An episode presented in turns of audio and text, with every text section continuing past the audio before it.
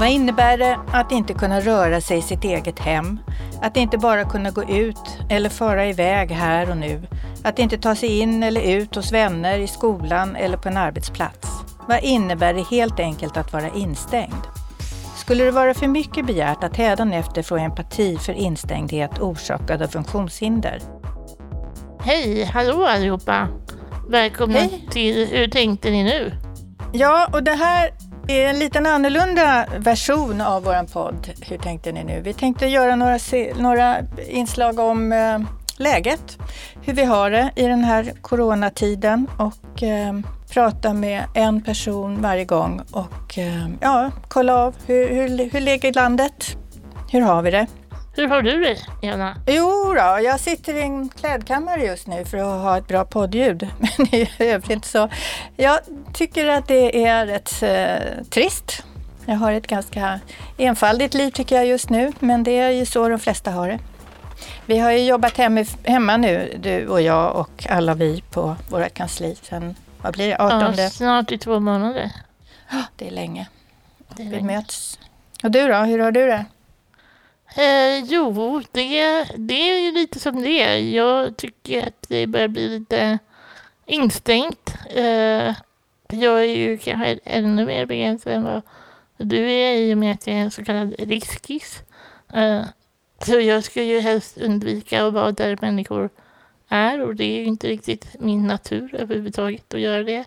Eh, och speciellt inte den här tiden på året eh, när jag brukar få komma och vara bland människor igen och ha mycket lättare att ta mig runt och vara delaktig på grund av både väder och vind och sådana saker. Så det känns ännu mer frustrerande än vad det brukar göra.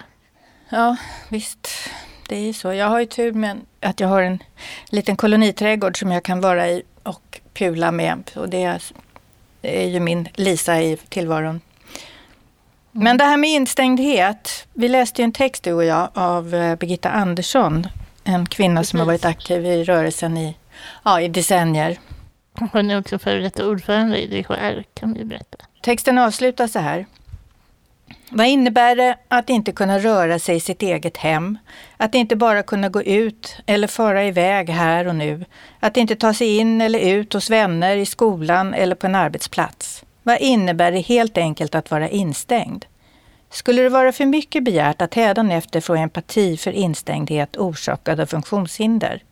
Instängdhet som inträffar ofta och påverkar hela livet och blir svarta fläckar i livsmönstret. Skulle man hädanefter kunna tänka sig lite solidaritet i den ekonomiska fördelningspolitiken när samhället återgått till normalvardag? När coronaviruset eliminerats och allmänhet, politiker och handläggare fått lite erfarenhet av att känna sig instängda? Kan coronavirusets följdverkningar månne leda till mer empati i samhället? Den här texten skrev du, Birgitta. Ja, Hur kom det sig att du ville skriva om det här? det kom sig av att jag ganska ofta tänker på att det är så många som inte förstår vad det innebär att inte kunna ha friheten att röra sig.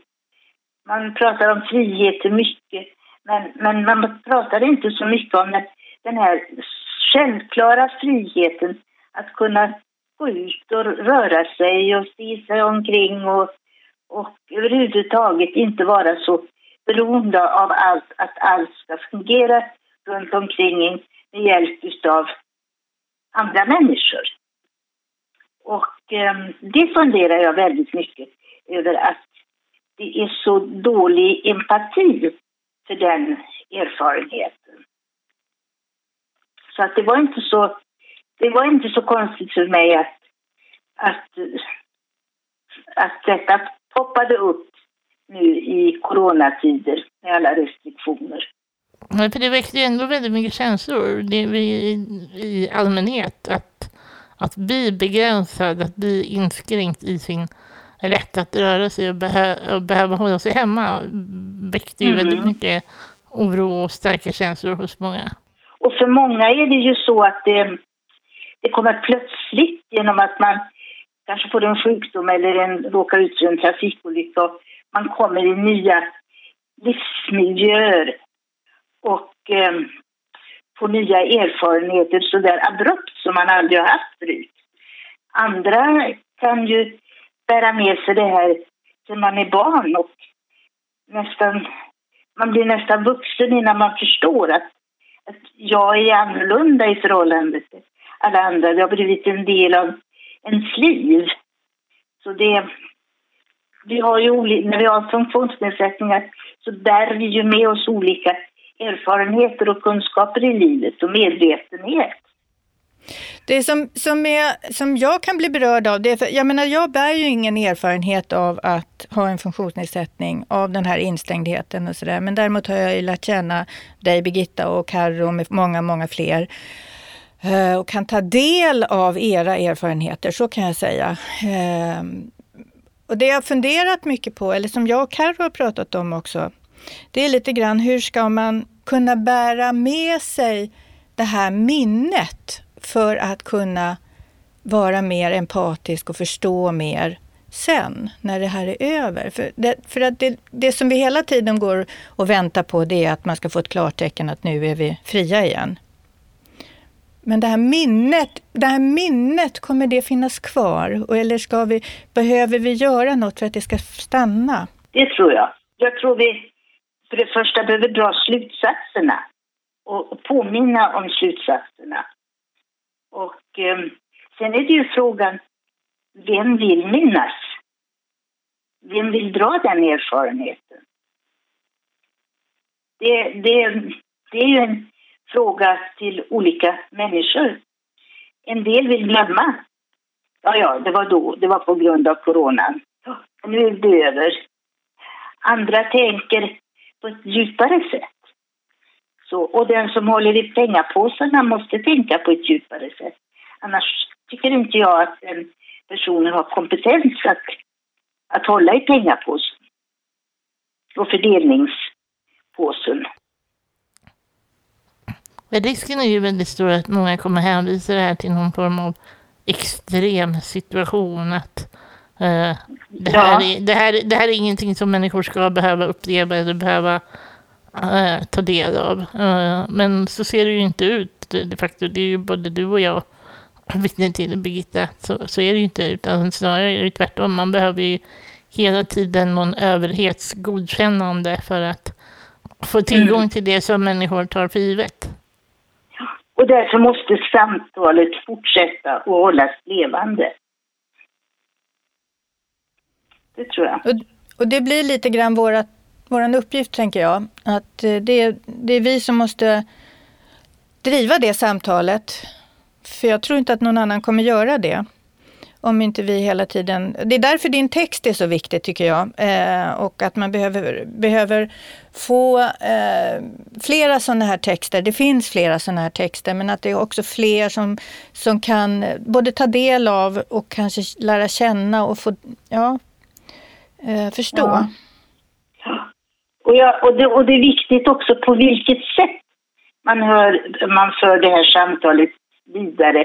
Så att det upplevs som eh, ett kom ihåg och ett berörande och inte som ett eh, ständigt tjat. Ja, det, det är mycket att fundera på och verkligen att, att hitta dels hur vi bibehåller det här minnet men också hur vi använder de erfarenheter vi får av den här krisen på, på ett bra sätt eh, och hur vi kommunicerar det på ett bra sätt. Mm. Hur är ditt läge just idag då, Birgitta? Ja, det, alltså dagarna rinner iväg ganska fort i alla fall.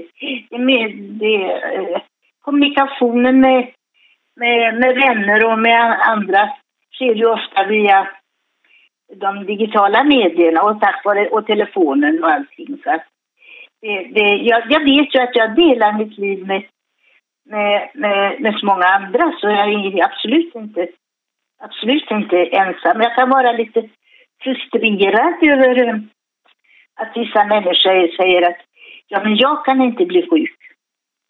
Och jag, jag, eh, jag är stark, jag kan inte bli så sjuk om jag skulle få det. Att, att inte det har gått in att även om du själv inte kan bli sjuk så kan du ha, ha smittan i din kropp och föra över den på någon annan. Att, att inte det går in, det kan jag bli lite frustrerad Ja, det kan jag bli. Det, det är väl det enda som jag riktigt kan bli frustrerad över, att det är så dåligt tänkt. Och, och det tror jag finns i alla åldrar. Det verkar finnas i alla åldrar, även om man trodde ja. att det var ungdomen som kände sig odödlig, vilket ungdomen ska känna. Men det gäller ju även den äldre gruppen.